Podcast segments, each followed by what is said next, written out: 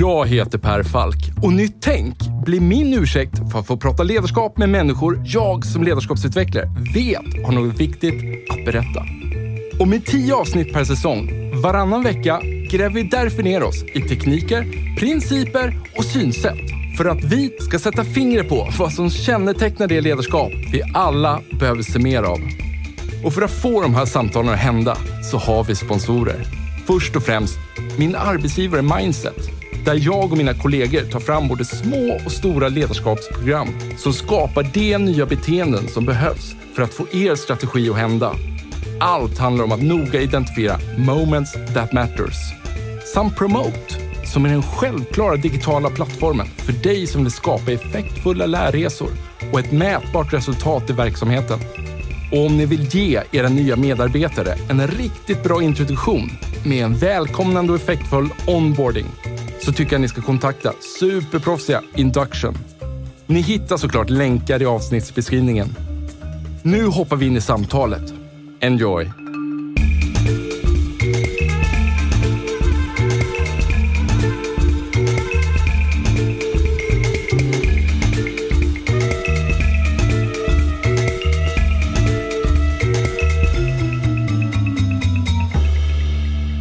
Du var ju på styrelsemöte precis innan. Koncernledningsmöte faktiskt. Var det koncernledningsmöte? Ja, det var det. Sorry. Nej, Ja. det är lugnt. Kan, eh, kan en kille som du vara, kan man känna sig lite nervös inför en sån grej? Eller är det bara, är det din scen kanske till och med? Jag tror nog det är scenen. Man får ju aldrig slå sig till ro. Nej. Men jag är aldrig nervös inför den typen av möten. Det är nog mer... Eh, jag är väldigt... Jag är en person som förbereder mig ganska mycket. Inte lika mycket för ett koncernledningsmöte som för ett styrelsemöte, men jag har ju ofta spelat upp det där mötet i mitt huvud innan det sker Ja. för att eh, kunna vara förberedd. ja. Vad pratar ni om? Eh, idag på koncernledningsmötet tänkte Ja, jag på. ja, Ah, det, var, det var ganska många saker. Det som jag tyckte var det allra roligaste, det var egentligen att eh, vi gjorde en större omorganisation när jag började för två och ett halvt år sedan. Ja. Och så har vi ju gått igenom i pandemin som har varit väldigt, väldigt tuff. Och kände, jag har känt de sista månaderna att fan, det är läge att ta ett eh, omtag igen. Och, eh, så vi pratade ganska mycket om ett eh, narrativ kring det. Och vi döpte vårt program som vi kallar Fuel for Growth. Ja. Och eh, egentligen att vad är det vi ska satsa på? Vad är det vi ska prioritera de här kommande åren? För det blir väldigt mycket ofta att man fladdrar iväg. Men så kände jag, jag kände behov av att nej, nu fasen är det dags liksom att sätta ner foten. Vi har bestämt, vi ska investera, Ja. vi ska fortsätta investera, vi ska satsa ännu mer på hållbarhet, vi ska eh, fortsätta expandera med våra byggnationer och så vidare. Och då kände jag att fan, vi måste gå ut och prata om det i organisationen, men det här gör ju inte sig själv. Nej. Och eh, likadant så behövde jag hitta det här narrativet runt och då blev det Fuel for Growth och det innebär ju också att vi behöver strukturera vår organisation och våra arbetssätt på ett nytt sätt. Ja. Så det i liksom, ibland kan ju en del bli rädda för det här ordet förändring och nytt och då vill jag försöka blanda både då framtiden, möjligheterna, men också, det kommer ju faktiskt kräva lite av oss, och en ny struktur. Men det låter ju som att du nästan tar fram en, en story då, för varför den här förändringen Ja. måste hända och vad den går ut på. Och jag tänker mycket, ofta i stories, eh, att vad är historien runt detta och hur ska man framförallt kommunicera ett budskap? Ja. Du, eh, vi ska prata mer om det och liksom vad du står för i ditt ledarskap. Och om vi bara så snabbt då, så här, vem är du Stefan? Vi sätter in lyssnaren i matchen här. Stefan Sjöstrand, eh, uppvuxen på landet i Slöinge, kommer eh, ifrån eh, en ganska enkel uppväxt. Eh, När man kom hem från skolan handlade det inte så mycket om man ville hjälpa till utan man var tvungen att hjälpa till. Eh, Enkla förhållanden. Eh, På hösten stod man på potatisplockarna och plockade potatis när man kom hem från skolan. Inte alltid jättekul. Tänkte bli polis och valde den enklaste vägen att bli polis och det var två år social linje på gymnasiet. Sen skulle man göra lumpen. Men på min tid, eftersom jag då är född 68, så fick man vänta ett antal år på att få göra lumpen och då var jag tvungen att ha ett jobb.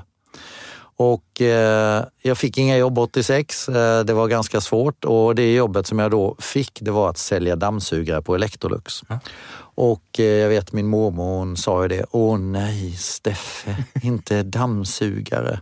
Jag glömmer aldrig just den repliken och var jag stod och var hon stod när, när hon sa det. Och eh, då började jag med försäljning, jobbade med det. Och sen efter ett drygt år på Electrolux så blev det att börja sälja godis. Och eh, hade många fina år på Malaco. Och när jag väl ryckte in på lumpen så mm, polis, det var inte aktuellt. Eh, militär som min pappa var, eh, var inte heller aktuellt. Så då blev det istället försäljning. Och där började min bana egentligen kan man säga. Vad lärde du från att sälja dammsugare? Oh, massor. Vad, vad var det, the, the big takeaway? Nej, men uh, det här med att uh, alla... Alltså jag har hittills aldrig sålt en dammsugare till någon som sa oh, jag vill köpa en dammsugare. Uh, utan att skapa det där behovet, eller visa på det där behovet, tror jag. Men framför allt att det var ju väldigt sällan att någon öppnade dörren och sa åh, kom in, kom in. Utan det var väl mer bara att hitta en ett sätt att komma in. Kanske en story varför man behöver den här dammsugaren. En story redan då. ja. Du, och om vi bara från det bara zoomar ut eh, liksom ett hack. Skistar, om du skulle liksom pitcha in det för en, vi säger någon, så här, någon investment, utländsk investmentfirma som mm. inte, har, inte känner till, eh, man har ingen relation. Eh, de har aldrig åkt till Lindvallen i Sälen själva. De har ingen relation till varumärket. Hur skulle du pitcha in Skistar då? Wow, pitcha in? Eh. Men alltså vi driver ju Skandinaviens fem största fjällanläggningar. Och det är också så att vi har en ganska stor marknadsandel när vi driver de här fem och den minsta i Sverige är Vemdalen mm. och eh, har en miljon skiddagar. Mm. Och den som är nummer fyra på marknaden är eh, Branäs. De har 500 000 skiddagar. Så vi är ganska mycket större än, än eh, så ettan Sälen har 1,9 miljoner skiddagar. Tvåan Åre 1,5 miljoner. Trean Vemdalen 1 miljon. Och sen då kommer Branäs fyra. Och sen i Norge är det liknande. Trysil har 1,2 miljoner skiddagar och eh, Hemsedal har 700 000 skiddagar. Så jag kan säga att vi är ganska dominerande då på eh, den skandinaviska himlen när det gäller att driva destinationer. Och tidigare så var det ju just skiddagar som har varit i fokus, men nu är det faktiskt från, vad ska man säga, liftbolaget Skistar till fjällturismbolaget Skistar. Ja. Jag har hört någon gång att till exempel många anläggningar i Alperna har mer omsättning på sommaren än på vintern. En väldigt känd eh, ort i Alperna är ju Chamonix till exempel ja. och de har större omsättning på sommaren än vad de har på vintern faktiskt. Ja. Det är ju inte det man tänker. Eller, nej, nej, inte från spontant. ett utifrån nej, perspektiv. Gör man inte det, nej, nej. nej. Så det var väl egentligen en av de första takesen som jag gjorde när jag kom in eh, att varför kör vi inte året runt? Mm. Ur flera perspektiv egentligen. Mm. Dels utifrån ett varumärkesperspektiv men också utifrån ett hållbarhetsperspektiv mm. och också möjlighet för tillväxt. Mm. Vad är utmaningen att driva den här typen av industri? Oh, wow, det är massor. Eh, men eh, den korta versionen är väl egentligen att eh, för det första att få jobba med besöksnäringen är fantastiskt kul. Att driva den här typen av verksamhet när man ändå talar om människors hälsa, man är ute i friska luften, man rör på sig och det i sig tycker jag är en ynnest att få jobba med det. Det finns några stora utmaningar, jag ska inte kalla dem mörka mål, men lite cloud då. Och då det ena handlar faktiskt om tillståndsprocesser, för ja. i Sverige så har vi en PBL, plan och byggnadslag, mm. som ser likadan ut i hela landet. Men den hanteras olika eftersom vi har ett eh, tjänstemannastyrda kommuner och det betyder också att eh, man hanterar PBL på olika sätt i Sverige. Och med tanke på att man behöver en detaljplan för att sätta upp en lift till exempel, mm. så är, kan det vara ganska utmanande att säkerställa att det finns detaljplaner på varje destination som är förenade eller uppdaterade med vår vilja att investera på våra destinationer. Mm. Så det är den ena delen som är utmanande. Den andra tycker jag kopplat till infrastruktur. För att eh, våra destinationer ligger ju i norra Sverige och ofta är det underinvesterat i vägnät till exempel. Mm. Vi har ett ganska dåligt eh, eh tåg, eh, eller spårnät, så det är bara till Åre egentligen man kan åka tåg idag. För att ta sig till Vemdalen får man ta sig till Sveg. Sälen går det inte alls, då får man åka till Mora och så vidare. Så att infrastruktur när det gäller vägar, när det gäller tåg, mm. men också när det gäller laddinfrastruktur. Eftersom vi nu går in i en helt ny era. Mm. Och eh, vi vet att eh, på den svenska marknaden till exempel så är 5% av fordonsflottan elektrifierad. Mm. Men bland våra gäster så är det 12 procent. Mm. Och det innebär ju att våra gäster behöver ha också möjlighet att kunna ladda sina bilar på ett eh, enkelt och effektivt sätt för att ta sig till våra anläggningar. Ja. Och Fuel for Change då, då? Hur kopplar du det till de här utmaningarna? Varför behöver ni ta ett nästa steg? Nej, men jag känner vi, vi gick in... Eh, jag började mitt nya jobb den 2 mars 2020 Nio dagar senare så tvingades vi stänga i Hemsedal och Trysil för att den norska regeringen beslutade att man skulle stänga badhus, skolor etc. Mm. med tanke på pandemin. En intensiv medial debatt började i Sverige. Vi stängde tre veckor senare och för mig var det ju liksom en eh, inte den här bästa starten man kanske kan ha på ett nytt jobb, utan en ganska utmanande tid och jag hade jobbat eh, 13, nästan 14 år på Ikea, jobbat utomlands, hade inget nätverk i Sverige, var väldigt ensam. Jag kände inte ens min ledningsgrupp. Vi hade jobbat tillsammans i några dagar. Jag kände inte styrelsen och plötsligt ringer banken och undrar vad som står på. Eh, media jagar dig. Och, så det var en ganska omtumlande start och det gjorde att eh, jag kom in i bolaget på ett ganska bra sätt. Så för mig personligen så blev det väldigt bra. Men för Bolaget såklart har det varit väldigt utmanande.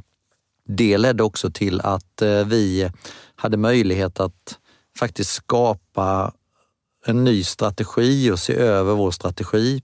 Och då gick vi just eh, ifrån liftbolaget Skistar till fjällturism året runt. Och vi gick ifrån att fokusera på hotell och stuga till att bo bättre borta än hemma.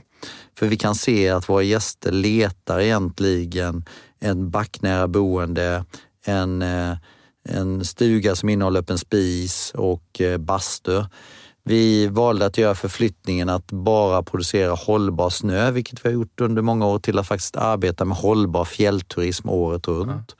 Och sen eh, det sista var faktiskt också att vi har varit sådär liftfokuserade och teknikorienterade i vårt företag. Och eh, jag har läst Rivpyramiderna ett antal gånger och är oerhört fascinerad över boken. Karlsson. Ja, ja, fantastisk bok. Och eh, jag har läst den fyra gånger tror jag.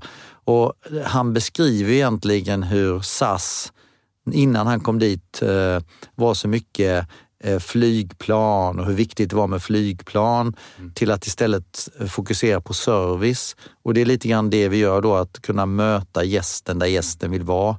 Och det handlar både om den digitala resan, mm. för vi har 28 miljoner besökare på våra digitala plattformar per år och eh, sen så också kunna ha det fysiska mötet med gästen. Så att gå ifrån liksom lift och pist till att möta gästen där gästen vill vara. Det har mm. också varit en väldigt viktig förflyttning. Då. Så de här change tar ju alltid lite längre tid än man vill. Så att egentligen det här nu Fuel for Growth är egentligen att verkligen jobba med eh, change skulle jag vilja säga. Ja. Jag kan inte låta bli att bara ställa frågan där. Alltså när du har gått på det här jobbet och eh, som du säger, du är så här, hyfsat ensam eftersom du inte hade kontaktnätet där, ny ledningsgrupp och så vidare. Tufft låter det som. Lärde du någonting om dig själv så här i efterhand? Det var en väldigt bra fråga. Um... Vem den är som sitter i den vd-stolen så är det såklart att det är en jättesmocka som man bara måste resa sig upp från och eh, komma vidare? Eh, det jag lärde mig själv när du ställer frågan är faktiskt en feedback som jag fått ifrån min mentor. Och eh, det är att jag är bra på att leda mig själv. Och jag är duktig på att snabbt hitta energi i mig själv. Mm. Och det kanske jag visste, men han sa det till mig För att jag frågade, liksom, vi hade någon sån där feedback session och då så sa han det till mig att eh, du har två väldigt bra styrkor i dig och det är att leda dig själv och att just ditt sätt att rechargea dig själv. Mm. Men handen på hjärtat då, kände du vilsen någon gång? Ja, ja, ja. hela tiden. Eh, och sen har man ju tur och väljer rätt väg, men, men vi valde ju också fel väg vid några tillfällen såklart, som man alltid gör när man gör förändringar. Och, som till exempel? Nej, men jag är en ganska otålig person och, och vill att det ska gå fort och i det här läget så var det ju verkligen att det behövde både gå fort, mm. Eh, för vi var ju under en krissituation, men det behövde ju också göra strategiskt rätt beslut. Liksom. Mm. Några av kanske investeringarna vi gjorde skulle vi inte gjort och vi skulle kanske också investerat mer under de här åren. För mm. vi stängde ju alla typer av investeringar. Vi bara la locket på allt, utan det var bara det nödvändigaste. Så från... Å andra sidan visste man ju inte om hela ekonomin nej, fullständigt nej, det var, skulle nej, krascha nej. ihop. Så jag tror det är, det är lätt alltid vara sådär efterklok. Liksom, att, att, uh, skulle vi gjort något annorlunda, då tror jag nog att vi skulle investerat mer. En annat väldigt bra lärande, det var ju att i vår styrelse så sitter väldigt erfarna personer och de sa direkt när detta hände, gå till banken och be om mer pengar.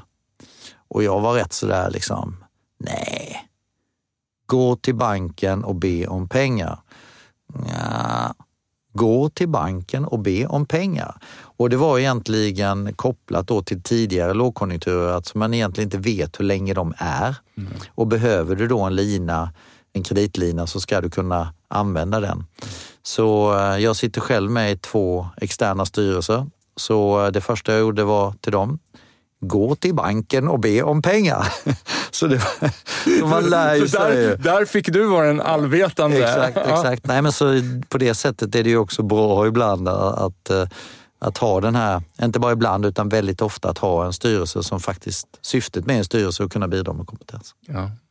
När jag frågade förut, eh, utmaningen att bedriva den här typen av verksamhet. En sak som jag trodde du skulle nämna som du inte nämnde. Jag tänkte en stor del av er arbetsstyrka torde ju vara tänker jag fördomsfullt, torde ju vara tillfällig och säsongsberoende. Mm. Men å andra sidan, då, om ni går lite mer mot hela året så, så kanske det inte är så. Jag vet inte. Men jag tänkte liksom då, hur, hur hålla upp ihop en organisation mm. där en stor del av arbetsstyrkan är tillfällig? Jag ska strax svara på den frågan, men först ska jag också ta en annan utmaning som är ganska stor för oss och det är ju hållbarhetsaspekten eftersom ja. För att tillverka snö måste man ha minus två grader och vi ser att det blir varmare och varmare i världen. Och eh, det betyder ju att eh, du har en övre trädgräns. Var kommer snön att falla och inte? Mm. Och I vårt fall så valde vi att göra en större utredning tillsammans med SMHI och eh, NMI mm. i Norge. Och de kom ju fram till egentligen det som vi alla vet, att vi är inne i ett klimatförändring, det blir varmare. Och i vårt fall så ligger vi på rätt sida trädgränsen. Vi kommer fortsatt ha kallt, så det är positivt. Däremot så kommer det inte kunna gå att producera snö på samma sätt som vi har gjort historiskt. Alltså att lägga alla backar samtidigt eh, under november, december. Utan att man kommer behöva ha mer automatiserade snösystem. Mm. Och det har vi då valt att investera mer i. Så det är en jätteutmaning. Men jag känner att vi har hanterat den och styrelsen supporterar eh, vår plan att, att, att, hantera den utmaningen. Mm. Men tillbaka då till de här underbara ungdomarna. Mm.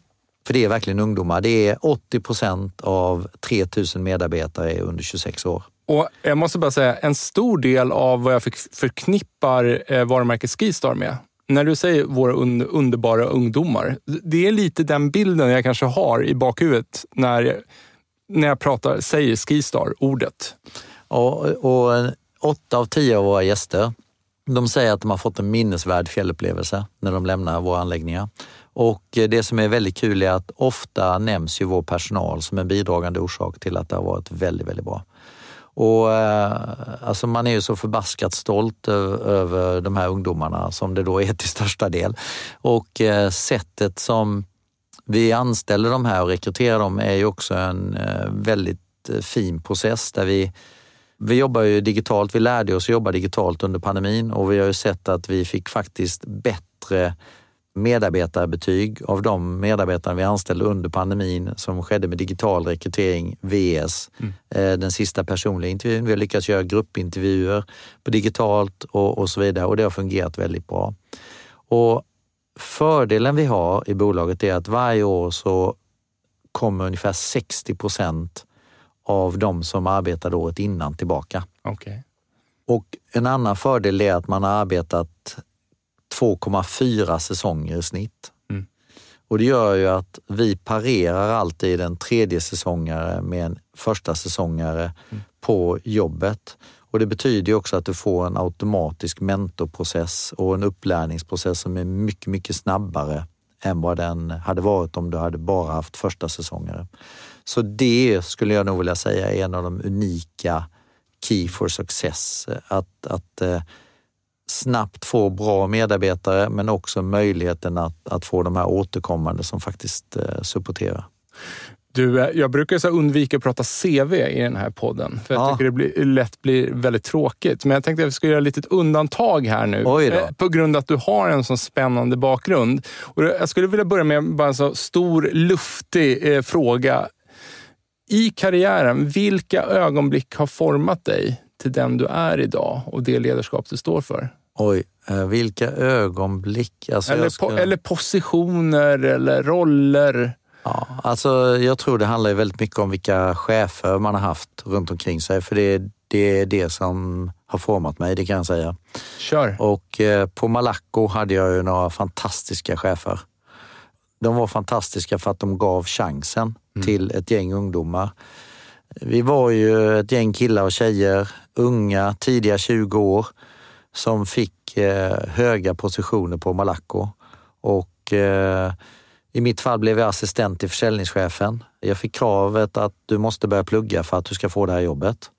Och det är marknadsföring och ekonomi och eh, det gjorde jag. Och många av mina kollegor hade kanske då jobba, hade en formell utbildning och vissa hade inte och vi som inte hade blev uppmanade om att studera. Och det, fick man, det betalade bolaget eh, och sen fick man signa på ett kontrakt att man skulle stanna kvar två år efter. Annars var man betalningsskyldig själv och var med på det. Det var ju rätt bra deal. Ja, det var jättebra. Det var ju fantastiskt. Liksom. Eh, och sen eh, så bra chefer som gav stort ansvar och Malaco är ett sånt då. Och där jag började med, blev assistent till försäljningschefen.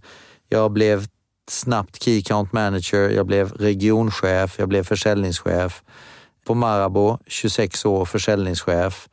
Blev rekryterad till OLV och eh, Per som var VD, jag var 28 år och var försäljning marknadsdirektör, så sa jag till honom liksom, fan vågar du anställa mig? Liksom, ja, men vi har unga produkter, eller vår eh, största målgrupp ungdomar, vi måste ha unga ledare. Liksom.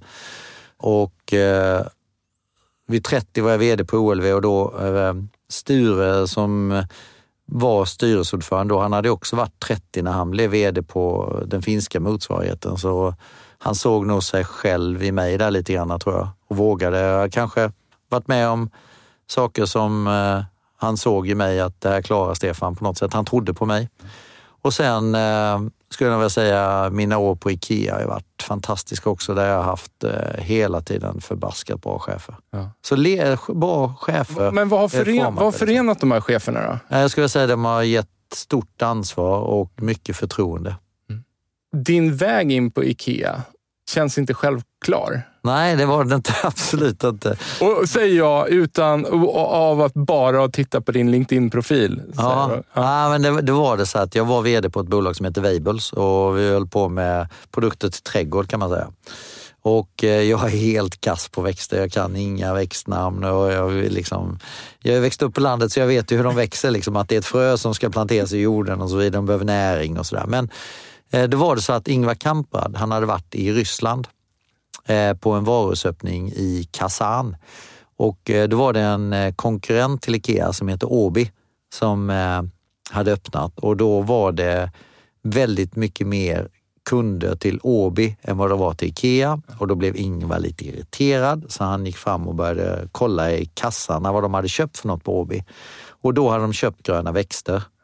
Och då gick Ingvar in på Åby och så kollade jag, de hade ju något som han kallade glashus. Och glashus för Ingvar var egentligen att släppa in mer dagsljus på nederdelen av ett IKEA-varuhus och på så skapa en mer attraktiv miljö för kunden att shoppa i. Då. Och eh, sen bestämde han sig också att IKEA måste bli mycket bättre på gröna växter, för det är en trafikskapare. Och där och då bestämde han, IKEA ska ha glashus, IKEA ska ha eh, mer växter. Och då så gick man ut till en headhunter och eh, jag blev kontaktad om det där jobbet och jag sa precis som jag sa precis att jag kan ju inget om växter. Men däremot fattar jag hur pipeline fungerar och då Ja, men det blir skitbra. och, och, och vad menar du med pipeline? Nej, men egentligen förstå hela supply chain, alltså värdekedjan ifrån tillverkare till eh, möta slutkund. Jag förstod och hade, ja, förstod hela, allt hängde ihop. Så då blev jag anställd på Ikea och fick uppdraget då att eh, bygga den här globala supply chainen av gröna växter. Så växter var mycket sexigare än vad jag kanske trodde då, just ja. där och då för Ikea? Ja, alltså, och det som var verkligen häftigt med den upplevelsen, det var ju det att jag klev in och skulle då skapa ett eh, ett sortiment som såg likadant ut i hela världen. Mm. Och det har ju Ikea på alla platta paket och det är ganska enkelt att bygga liksom ett sortiment. Men en levande produkt då, hur ska, hur ska man liksom, mm. Mm. Som, som behöver transporteras och sådär. Och då var ju Ingvar jävla skön. Liksom. Var bygger vi första glashuset? Ja, Novosibirsk. Och jag bara, va? Varför då? Ja, men klara växterna och transporteras till Novosibirsk som var 12 dagar. Då har vi löst eh, transportproblematiken. Ja. Så det var Ingvars sätt att tänka, liksom. att göra det jävligaste först, om man nu får använda ett sånt uttryck. Men, men du jobbade direkt för honom? Ja, jag hade förmånen att få jobba med honom. Ja. Hur var han? Fantastisk. Kan du berätta något mer? Nej, men han var ju eh, utmanande och, och ställde höga krav både på sig själv och på alla andra, men också väldigt dynamisk och kom alltid med nya idéer, nya infallsvinklar. Och eh, ett eh, klurig. Kan man säga att han är, var ett geni? Ja. ja. Han var högst involverad i det vi kallade eh, Glasshouse och inte bara han, utan eh, faktiskt eh, familjen också vad är det Ikea gör? För, för det var ju här jag vill liksom leda in dig lite på I, Ikea. För det har ju någon sorts, hur den är, så har det någon liten särställning inom liksom svenska stora bolag. Mm. Vad är det Ikea har lyckats göra jäkligt bra? Ikea är ju ett eh, bolag som är skapat av eh, Ingvars eh, vision att skapa en bättre vardag för de många människorna. Och eh, han började med det ganska tidigt, på tal om det här med stories då, eh, om hur han började bygga det här när han var liten grabb och åkte runt och sålde fisk och, mm. och så vidare och, och, såg hur fattigt och eländigt många hade det och det var ju det som drev honom till att också skapa de låga priserna som så många som möjligt skulle ha ja, möjlighet att, att kunna köpa möbler eller andra produkter. Och han var ju en väldigt synlig ledare, mm. vilket jag uppskattar och har tagit fasta på själv också väldigt mycket. Jag tycker också genom den utbildning som man fick på Ikea och var ju lite längre än någon annan retail har egentligen och där man eh, pratar väldigt mycket om värderingar och vågar prata om det. Ikea anställer ju inte på CV. Ikea anställer värderingsmässigt. Det är nummer ett. Kan vi bara stanna där? När du säger att de, har, att de anställer värderingsmässigt mm. Och du säger att utbildningen är lite eh, längre. För det, för det är också så här, jag har aldrig arbetat med IKEA, men det är bara någonting också jag har fått för mig. Att liksom lärande, eh, processen och ledarskapet har en helt annan ja, men kanske status som område mm. inom, inom IKEA än många andra liksom, liknande organisationer. Ja, men det har det. Det, det är ju ett... Eh, jag skulle säga Ingvar är ju bakgrunden till allt det här egentligen. Han, han skriver ett dokument 1976 eh, som heter Möbelhandlares testamente. Eh, det är nio teser som är väldigt, väldigt tydligt. Liksom. Det börjar med liksom sortimentet och eh, hur viktigt sortimentet är. Mm. Och sen så avslutas det med att det mesta är ännu ogjort, underbara framtid. Mm. Och, och, det som är häftigt med, med, med ettan och nian är ju att sortimentet, vår identitet, det, det skapar, vem är IKEA och vad står vi för för någonting när det gäller produkterna. Mm, mm. Och eh, sen kopplat till det så finns det också en massa värdeord och vad betyder det att vara ärlig? Vad betyder det vara kostnadsmedveten? Vad betyder det att lista sig? Vad betyder det att och vad betyder det att och så vidare. Och genom att man är väldigt tydlig med de här värderingarna mm. och också att lära sig vad betyder testamentet.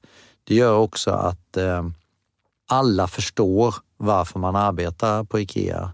Och det är ju det, det allting handlar om. Det är ju den här kulturen, det handlar om sättet du blir tränad egentligen. En del säger att det är en sekt, eh, eh, men för mig blir det ju väldigt enkelt om alla anställs med samma värderingar. Mm. Då är det ungefär som ett äktenskap. Att, att i ett äktenskap har man ju ofta samma värderingar och när mm. värderingarna skiljer sig åt så mm. skiljer man sig också. Mm. Och, och eh, jag tror att det är det som också gör att IKEA har många medarbetare som har arbetat väldigt länge i bolaget. Mm. Det tar ett tag att komma in i också och förstå Ikeas storhet och Ikea är inte enligt mig som andra bolag som jag har varit på i alla fall. Och det som skiljer sig åt är mycket sättet att arbeta, processerna, sättet att eh, interagera med människor, att också låta människor vara delaktiga i mm. både beslut och processer. Det skiljer sig väldigt mycket faktiskt från många av de bolag jag har jobbat i. Ja. Kan du ge något konkret exempel där för att en lyssnare ska förstå? För jag tänker för dig nu som har varit i den här världen så Ja, men jag tar eh, Ikea Sweden som är ett fantastiskt bolag. Det är Ikeas sortimentsbolag. Eh, säte i Älmhult. Eh, alltså i lilla Älmhult produceras eller tas alla världens Ikea-produkter fram. Och de ser likadana ut till 98,5 procent eh, i hela världen, samma sortiment. Och det är också väldigt viktigt att poängtera. Och då finns det en produktutvecklingsprocess på IKEA som börjar egentligen med någonting som heter hembesök. Och det är ju, det är så enkelt som det låter att eh, ett gäng människor åker ut och besöker ett hem. Till exempel eh, när jag jobbade med eh, ett jag var affärsområdeschef på IKEA Sweden. Det finns sju affärsområden. Jag var ansvarig för ett av dem. Vi hade något som heter Small Space Living. Mm. Vi skulle utveckla badrummet eller tvättstugan på IKEA. Då åker vi ut och så gör man hembesök i Berlin. Varför då? Jo, därför att där var det ganska många små eh, hem mm. som inte bara är typiskt Tyskland utan var en blandning då utav gamla Östeuropa och Västeuropa. Mm. Ganska många unga människor och så vidare. Då åker vi till Berlin, ett gäng, och så besöker vi då ett antal hem i Berlin. Mm. Och då ställer man frågor till de här människorna i Berlin. Eh, hur de tvättar, när de tvättar, eh, hur ofta de gör. Okej, okay, kan de beskriva hur de gör med tvätten och var någonstans lägger de sin smutstvätt? Okej, okay. när ni har gjort det, hur gör ni sen då? När, har ni tvättmaskiner hemma inne? Ja, okej. Okay. Sorterar ni tvätten innan? Hur gör ni då? Okej, okay. och sen varför var, har ni tvättmedel och sånt också? Eller, ja, det har de. Ja, var förvarar ni det någonstans? Och sen då när ni har tvättat, vad gör ni då, då med tvätten? Hänger ni den eller liksom, eh, lägger ni den eller hur hanterar ni tvätten då? Och så berättar de, ja, och sen då när ni har torkat den, hur gör ni då? då? Stryker ni den eller hänger ni den direkt? En obsession. Ja, ja, och, då, och, och, ja, fullständigt. Och så går man igenom alla, alla, alla detaljer över hur hanterar du din tvätt eller, eller dina kläder? Och så kunde du då, nej men den här, när jag har använt den här tröjan så tvättar jag inte den, jag vädrar den. Okej, okay, hur vädrar du den? Och så vilken produkt använder du för att vädra? Lägger du bara den eller hänger du den? Och så vidare. Och då i hela den processen som man mappar så kommer det fram en massa produktidéer, till exempel då var förvaras tvättmedlet? Hur ska det förvaras? Hur hänger man tvätten? Och den produkten som hänger tvätten, hur kan den göras så smidig som möjligt så att den går att förvara på en plats där den inte tar plats. Och sen då så kommer man ju då fram till, då är det med en massa produktutvecklare då, mm. som då föder de här produkterna. Till exempel, vi födde ju en produkt eh, också när vi skulle kolla hallen. Hur många skor har man i snitt i hallen? Åtta par har man då. Okej, okay, åtta par. Och då uh, skapade vi... Vi har betydligt fler än så i, i vår grå entré. Jag misstänker Jag stör mig på dem varje dag. Men då kan man välja att tänka, oh vad härligt, här är mycket folk hemma. Ja, exakt, exakt, kanske. Ja. Men då, då, då tog vi fram en produkt som då rymmer åtta par, som heter Tjusig och den mappade vi sen då. Så när man då väl har tagit fram produkten, mm. då mappar vi den tillbaka in i värdekedjan och säger okej, okay, hur kan vi producera den här produkten i ett paket som inte tar någon plats? Mm. Så varje process då, liksom i att framtagande av produkten, mm. sen då när du, eller idén om en produkt mm. och sen har du då framtagandet av produkten som du också mappar mm. hela vägen bakåt. Och när vi höll på med de här växterna till exempel så hade jag förmånen också för att Ikea hade bestämt sig för att då göra om hela inköpsprocessen som hade suttit i huvudet på ett par smarta personer mm. och insåg att den här måste vi dokumentera. Och då, okej, okay, vad ska vi testa på för sortiment? Ja, minsta sortimentet, det är gröna växter, det får vi testa det på. Så jag fick vara med och göra hela den inköpsprocessen på Ikea. Och då använde vi gröna växter som ett exempel. Och genom att göra det så kunde man säga okej, okay, och då ställer man en massa frågor. Och varför är krukan 24 centimeter diameter? Och då kunde ingen svara på det. Eh, för det bara var så. Okej, okay. men vad händer om man gör den 22 centimeter diameter istället för 24? Får det någon skillnad? Nej, okej. Okay. Det är bara det att det går åt lite mindre jord. Jaha, mm, smart. Lite mindre diameter på krukan, det betyder att du får plats med fler på pallen. Mm. Så liksom, mm. Alla de här små, små, små detaljerna. Mm. Och varför är en juckapalm 130 centimeter hög? Eh, det var ingen som kunde svara på. Vad händer om man gör den till 120 eller 110? Gjorde man den då 110 mm. så fick du också plats fler på varje vagn. Du kunde ställa dubbelt. Så liksom optimera, smart, ja. När ni säger att, att ni rekryterade värderingsdrivet, hur kunde det se ut i praktiken?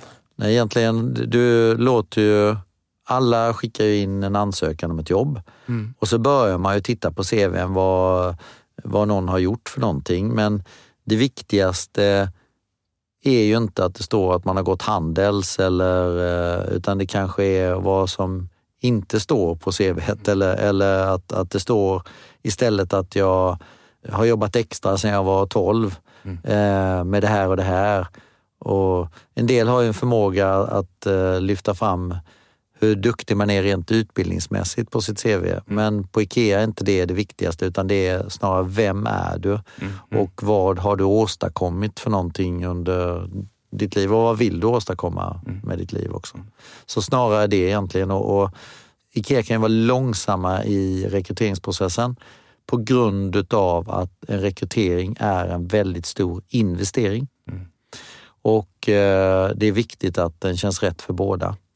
Och Ingvar var ju också väldigt tydlig med det eh, i sina första rekryteringar han gjorde, att verkligen säkerställa att han i alla fall hade gjort, inte allt rätt, men eh, minimerat riskerna för en felrekrytering. Mm. Och det gjorde han då genom att ägna lite mer tid i själva processen med att umgås tillsammans innan man, mm. man signar på ett avtal. Liksom. Mm. Och att man var överens om vad det var som skulle göras. Mm.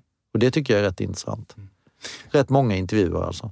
Man tar den kostnaden. Ja, ja. Och, och lägger mer tid på Jag vet när jag själv, jag, jag vet, alltså jag tänkte någonstans, vad fan kan de inte bestämma sig? Liksom? Hur många intervjuer fick du göra?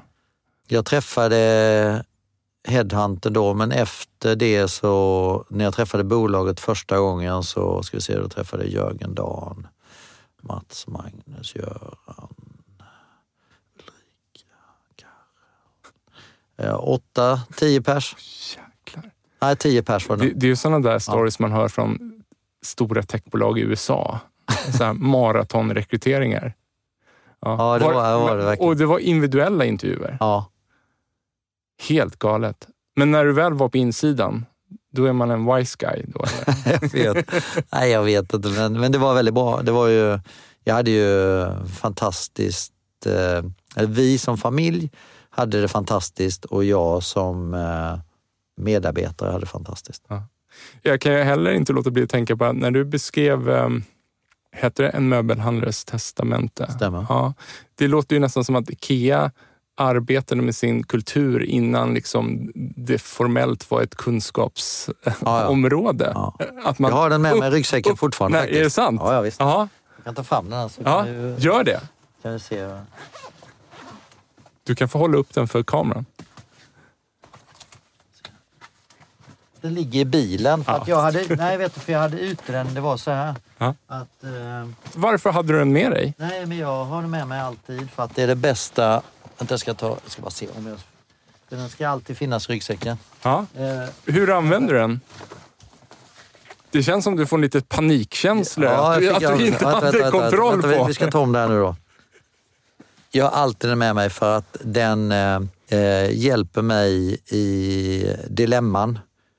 Och eh, senast jag läste den var i... Eh, idag är det torsdag. Det var i söndags när jag åkte bilen från Falkenberg till eh, Stockholm så eh, kände jag att jag hade en fråga jag var tvungen att eh, gå igenom i mitt huvud och hade inte svaret på den och då läste jag i en möbelhandlares testamente och det är en väldigt, väldigt bra ledarskapsbok. Och hands-on, hur löste du problemet där? Då? Hur fick, för det, du mappade upp då problemställningen.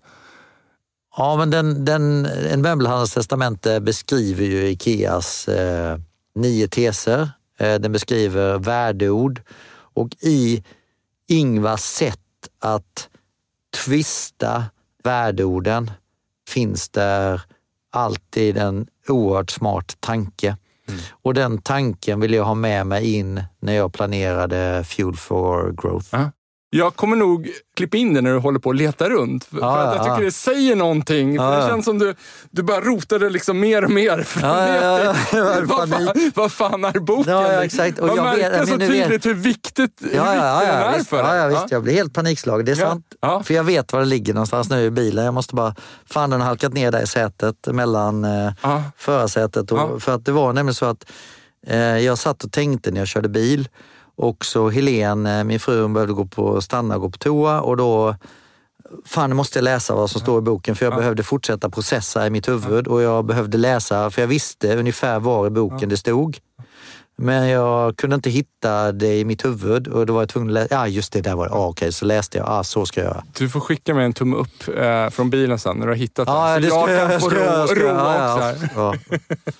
Du, ett annat hopp. Du har berättat jättemycket här som går att koppla till hur ni tränar som ledare. Mm. Men, men kan du säga någonting specifikt om det på Ikea?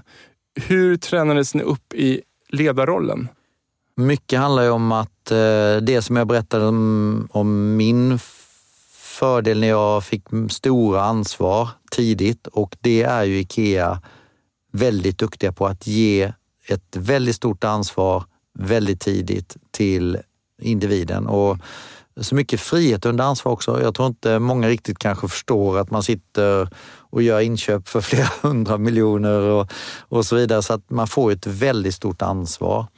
Men sen eh, är vi tillbaka till kulturerna. Att hur skulle du gjort själv då? När det är dina pengar, hur hanterar du? Varför ska du hantera bolagets pengar annorlunda än du hanterar dina egna?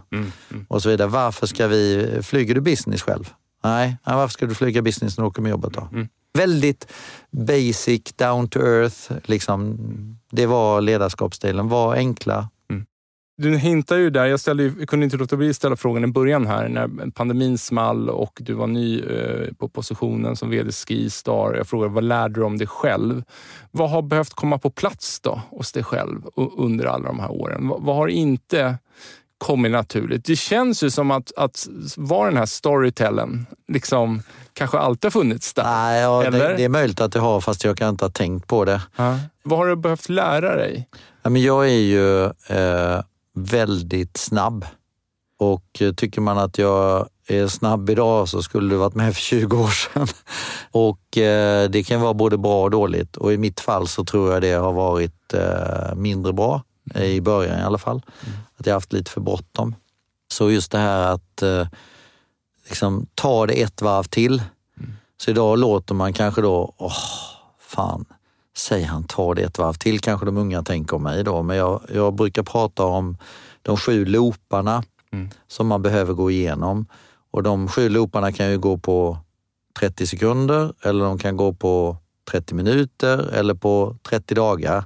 Men de här sju looparna är så viktiga när det gäller eh, många beslut att man går igenom och att man orkar hänga upp och ner. Och vad jag menar med att hänga upp och ner betyder egentligen när man inte har svaret.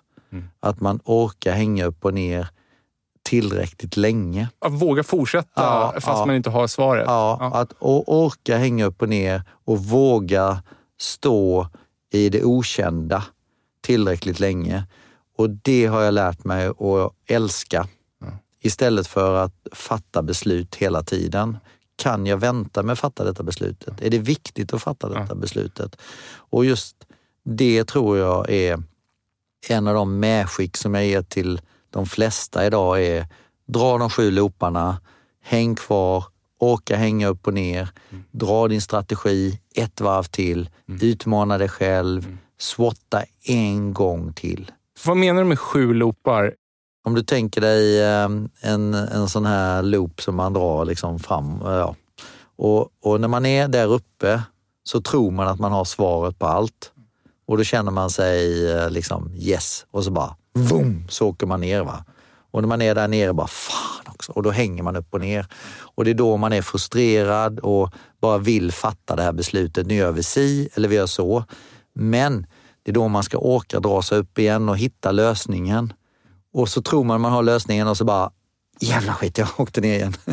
och så upp igen och så ner och, och ner. Och, och drar man det där sju gånger så har man ju liksom pros and cons, pros and cons flera gånger. Ofta har jag haft för bråttom att göra de sju looparna, men genom att träna mig själv att Stefan, nu tar vi det en gång till tar vi det lugnt, så andas vi. Och, och så det är en del. Och det andra är att eh, vara lite mer organiserad än vad jag är i naturen. Mm. Eh, eller till naturen. För jag är slarvig.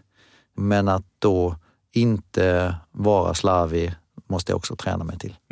In the past, har du fått feedback på det? Ja, alltså eh, dels har jag fått feedback men också i takt med att ens ansvar har ökat så har man väl också insett att eh, fan, jag måste vara organiserad.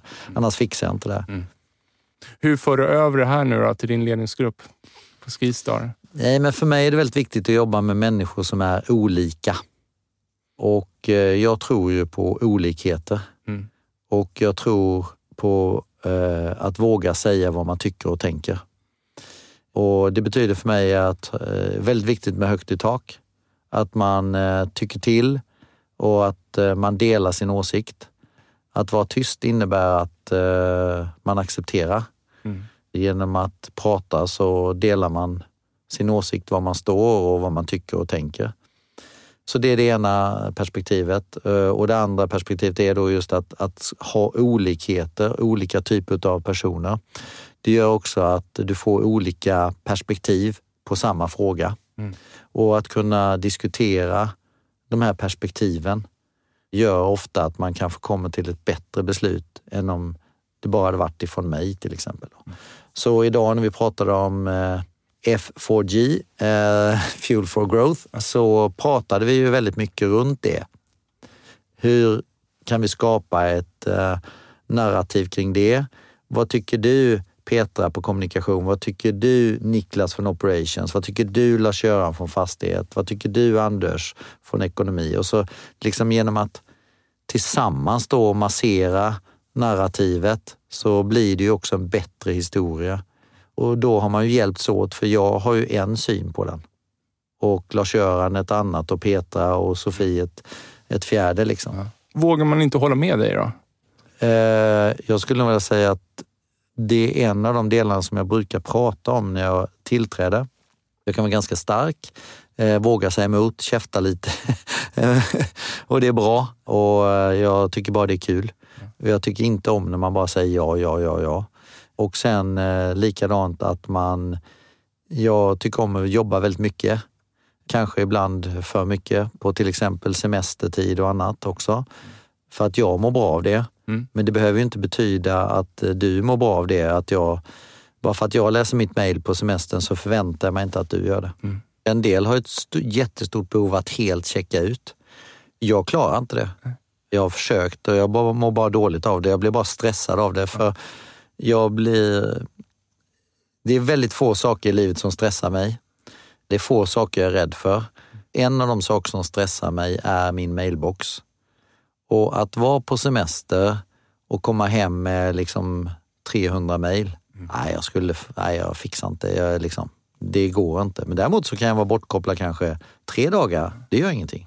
Men just, eh, nej, det funkar inte. Va? Å andra sidan kanske det ligger lite i vd-uppdraget att eh, man får ta den där mailboxen. Exakt, Bara man inte ställer exakt. samma krav eh, längre ner i, i, organisationen.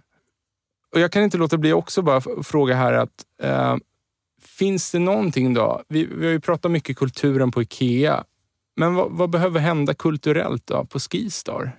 Om vi börjar så här, vad är det bästa med Skistar rent kulturellt? Oj, oj, det, det är ju att jag upplever efter väldigt kort tid på Skistar, jag börjar närma mig tre år, det är i och för sig inte så kort, men, men att det är en sammansättning av ett antal fantastiska människor som har arbetat där under ganska lång tid. Påminner väldigt mycket om Ikea faktiskt. Att man eh, jobbar med någonting man brinner för. På Ikea brinner man för heminredning. Mm.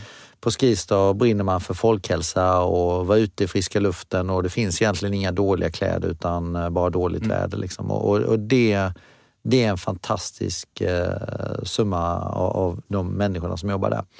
Det är väldigt mycket tillsammans. Mm. Det är väldigt mycket entreprenörsanda. Mm. Och eh, jag skulle också vilja säga att det finns inget som är omöjligt på Skistar, vilket jag tilltalar min personlighet väldigt mycket. Då. Sen eh, kan det vara då utmaningsmässigt att det är fem destinationer.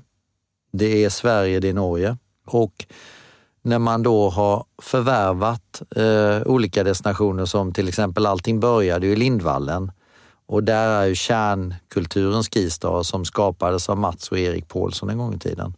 Och eh, sen då en förvärvad enhet i Trysil som är skapad av andra entreprenörer på andra sidan gränsen.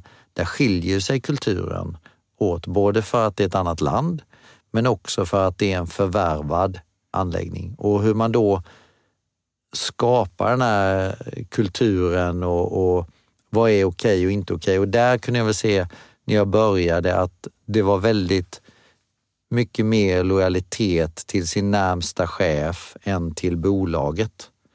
Så vi har jobbat ganska mycket med ett större kulturellt arbete eh, där vi har involverat eh, både Sverige, Norge, alla destinationer för att också sätta fyra gemensamma värdeord och det har varit väldigt viktigt arbete i den här transformationen som vi har gått igenom också rent eh, affärsutvecklingsmässigt och ekonomiskt under pandemin. Mm. Hur har ni gjort det konkret då? För det är ju så lätt att, att det blir... Eh... Floskler eller? Ja, mm. och kulturbegrepp är ju så här, jag, jag sliter själv. Fast jag liksom jobbar med det så kan jag ändå på något sätt bara slita med att omfamna vad en kultur är. Vilket låter ju jättekonstigt. Liksom. Det vi gjorde, eller har gjort nu då, det är ju egentligen eh, ett antal workshops på varje destination med ett antal mix av medarbetare för att verkligen mixa upp Sverige, Norge, olika destinationer och prata kring olika saker. Vi har haft eh, inspiratörer som har pratat om andra kulturer, till exempel IKEA mm. Mm. Eh, och så vidare. Och, och det har varit då injektioner in i de här samtalen. Mm. Och utifrån de här samtalen så har man kommit fram till ett antal områden och när man då har definierat de här områden, vad betyder de? Ja, det här betyder ju tillsammans. Okej, okay. så tillsammans är ett av, av värdeorden då som är likadant på eh, norska och på svenska. Ett annat eh, sådant var trovärdiga. Okej, okay. då, är, eh, då är det trovärdigt. Okej, okay. ett eh, tredje som vi kom fram till, det var ju engagemang, att det finns ett jättestort engagemang i, i, eh, i bolaget. Och, och att eh, det i sin tur också då var att när vi gör saker så gör vi dem alltid enkelt. Så de fyra blev liksom de här värdeorden som vi har valt att jobba med och då Eh, när vi har workshoppat fram dem, så har det inte, jag har inte varit med på en enda av de där workshopen faktiskt, för jag ville inte det för att då blev det, ja, Stefan tycker detta eller det. Utan det har bara kommit egentligen bottom-up och det är det bästa med de där fyra värdeorden. För det har varit kanske 350 personer involverade i att ta fram dem och det känns jättebra och eh, har letts av eh, Camilla som är vår HR-chef och hon har gjort det föredömligt. Och hur får man det att sitta nu då, i nästa steg? Nu har man jobbat fram det, men liksom... Ja, man sätter upp Hur- en plansch hur- på väggen. Nej, nej, men det, Hur rubbit? nej, men det börjar ju egentligen i hela den här rekryteringsprocessen som vi nu pratade om tidigare när vi rekryterar ungdomar till exempel. Det börjar där. Ja, jag blir så glad när du säger det, att det börjar där. Ja. Och sen så börjar där och sen såklart eh, så är det ju levande hela tiden. i Ja. och, och en annan viktig del som, som jag också har tyckt att när vi har pratat i bolaget är ju att om vi ser saker som inte är förenade med vår kultur, då måste man säga till. För om inte jag säger till, Mm. då har jag ju accepterat det. Mm. Som framförallt om jag har en ledande ställning. Så gör jag en observation och den inte är förenlig med vår värderingar, våra värderingar eller vår kultur, säg till. Jag måste bara ber- berätta en historia från Lindvallen i Sälen. Eh, Vad glad jag blev. Ja, men det här är... Jag måste tänka så här... Jag tror att det var två år sedan. Det var nog lite under pandemin där. Ja, För ni hade ju fortfarande öppet. ja vi har haft öppet Och- i Sverige hela tiden. Ja, exakt. Eller på alla ställen Ja, faktiskt. Ja, och det var ju betydligt mindre folk i backen eh, och vi åkte iväg och kom iväg innan det blev någon generell, liksom, ja, strunt samma. Eh, jag kommer inte ihåg. Det kan ha varit innan också. Hur som helst. Eh, det, är liksom, det är lite mindre folk i liften, så det var nog under pandemin, när jag tänker efter Ja, då, förmodligen. Ja. Och, och, och, jag, och jag, är så, jag är så amazed av de här liksom fina ungdomarna som du pratar om. Och jag, jag vill verkligen, liksom, jag lägger handen på bröstet där, för att det är extremt ärligt från min sida. Och jag, jag känner liksom att, att få de här att ha ett så otroligt bra liksom, mottagande av sina gäster och få allt att fungera. Det är såklart att det måste finnas någon djup tanke om kulturen på Skistar bakom det här.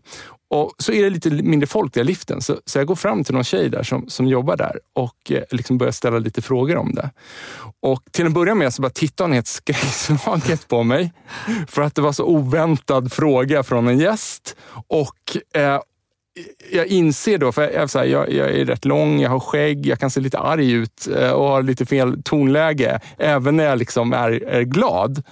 Och jag tror att hon, eller jag inser plötsligt att hon tror att jag ska säga någonting om att du har inte levt upp till kulturen. Eller liksom, förstår vad jag menar? För hon ser helt livrädd ut. Men när hon fattar då liksom vad min egentliga fråga är, så spricker hon upp i ett sånt jäkla leende. Och sen så berättar hon för mig att här, varje vecka så sitter de ner med sitt liftteam då, eller motsvarande, Yes. och pratar om så här, hur har vi den här veckan levt upp till liksom vår kultur? Så är det.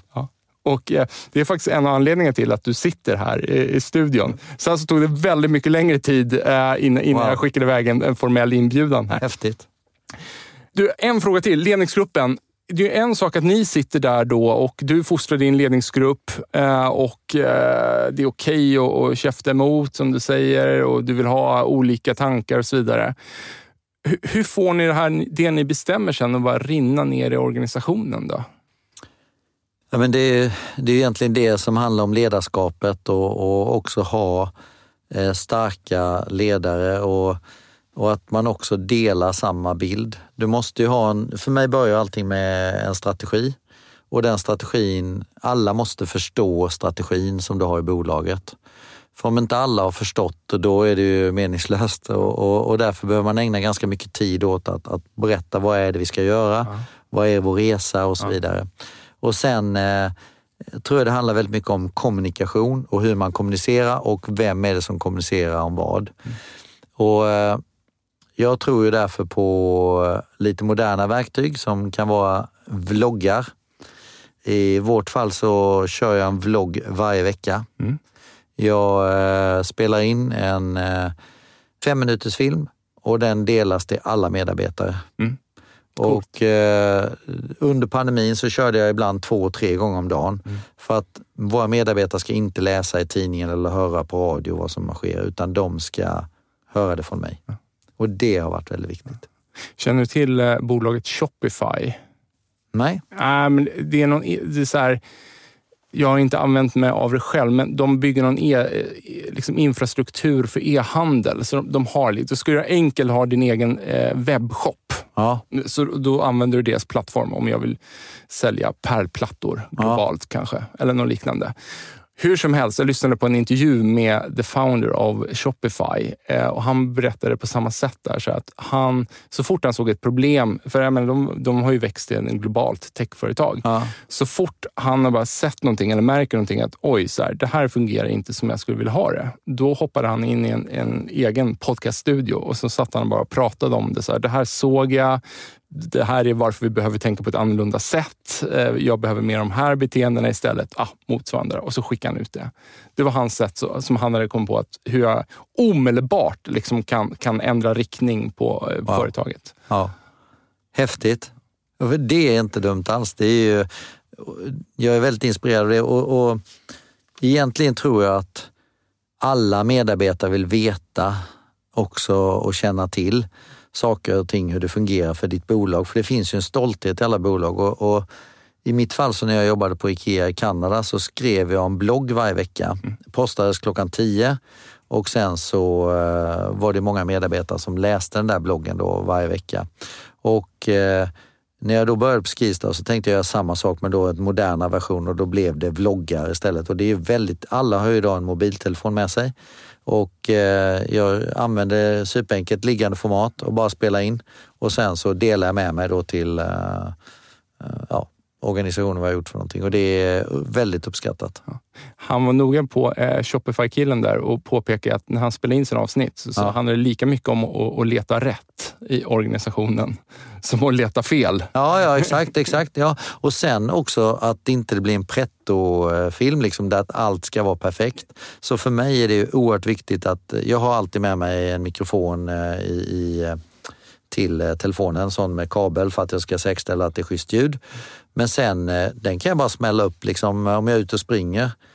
Så, så vet jag att det här avsnittet vill jag ska handla om att nu fan är det rörelse som gäller, nu laddar vi säsongen. Då bara stannar jag och så bara upp med kameran och så bara sätter jag den så att den liggande är viktigt och så bara står jag, "Ja, tjena, det är Stefan här igen. Idag ska vi prata om detta, detta, detta och så kör jag på. Storytelling. Ja, storytelling. Vi har ju pratat eh, så himla mycket bra grejer i hela avsnittet här nu och vi ska börja stänga det här och därför brukar jag ställa frågan här på slutet. Så här, har du några speciella ledarskapshacks som du vill att lyssnarna tar med sig? Ja, för mig, så, som inte jag fattade när jag var ung, men eh, har fattat senare i livet och det är vikten av att ha en mentor. Och jag skulle rekommendera alla att skaffa sig en mentor och ta mentorskapet på allvar. För att genom att skaffa sig en mentor så får du oftast i alla fall bra påfyllnad. Och du kan få någon som utmanar dig och kanske kan också guida dig. Och en riktigt bra mentor kan ju också hjälpa dig i svåra situationer. Så eh, jag skulle nog vilja säga en mentor som, där du också känner förtroende och att du både ger och tar eh, det här förtroendet, om man nu säger så. Mm. Och eh, I mitt fall har jag haft ett antal mentorer i, i livet och eh, jag har haft mer än en ofta. Just nu har jag faktiskt bara en och jag påminner mig om att jag har en person jag ska faktiskt ringa som jag har bestämt mig för att göra som jag inte har gjort. Så det var bra att du påminner mig om det. Tack.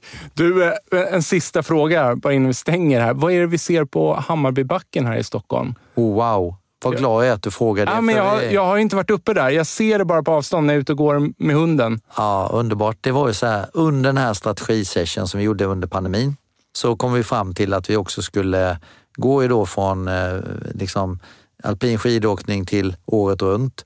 Och eh, vi hade fem stora destinationer, men så hade vi Hammarbybacken. Liksom. Hammarbybacken, liksom, vad är det? Och eh, öppet eh, max två månader om året när det var möjligt och öppet för det var, när det var snö och sådär. Och då eh, var jag runt och tittade på lite olika anläggningar och då blev jag väldigt inspirerad av en anläggning i Oslo som heter Oslo Vinterpark. Och den låg ju mitt i Oslo så tänkte jag, fasen alltså tänk, vi skulle ju fan kunna göra Hammarbybacken året runt. Och eh, då eh, när jag drog den eh, tanken med några kollegor så bara sprutade de idéer. Vi har aldrig fått göra det innan. Liksom. Nej, men vad vill vi göra då? Så bara spånade vi. Och då kom ju tankarna fram att göra då skidor på konstgräs, mm åka rådel eller en coaster som det kallas. som är en berg dalbana nerför berget som är ashäftigt. Eh, klätterpark uppe på toppen liksom som är så ballt. Ja. Ja, det, sen, det, är väl den som jag kanske har sett. Ja, där. det är, så, alltså, det är så coolt att hänga där uppe och se ut över Stockholm. Liksom. Och, och, att då använda Hammarbybacken som en innovation hub, att det vi kan testa där, det kan vi då snabbt applicera över i Sälen, Åre, Vemdalen, Hemsedal, Trysil. Liksom. En liten prototyp. Ja, ja, ja. så det är superballt. Och det som också är häftigt med Hammarbybacken är att många av de gästerna som besöker oss där, de kanske aldrig har åkt skidor eller har ingen relation till Skistar, men helt plötsligt så bygger den ju vårt varumärke på ett annat sätt också. Stort tack för att du kom förbi, Stefan. Jag är superglad. Tack för att jag fick vara med. Hörni, tack till våra sponsorer Mindset, Promote samt Induction för att ni tror på den här produktionen. Ta hand om er.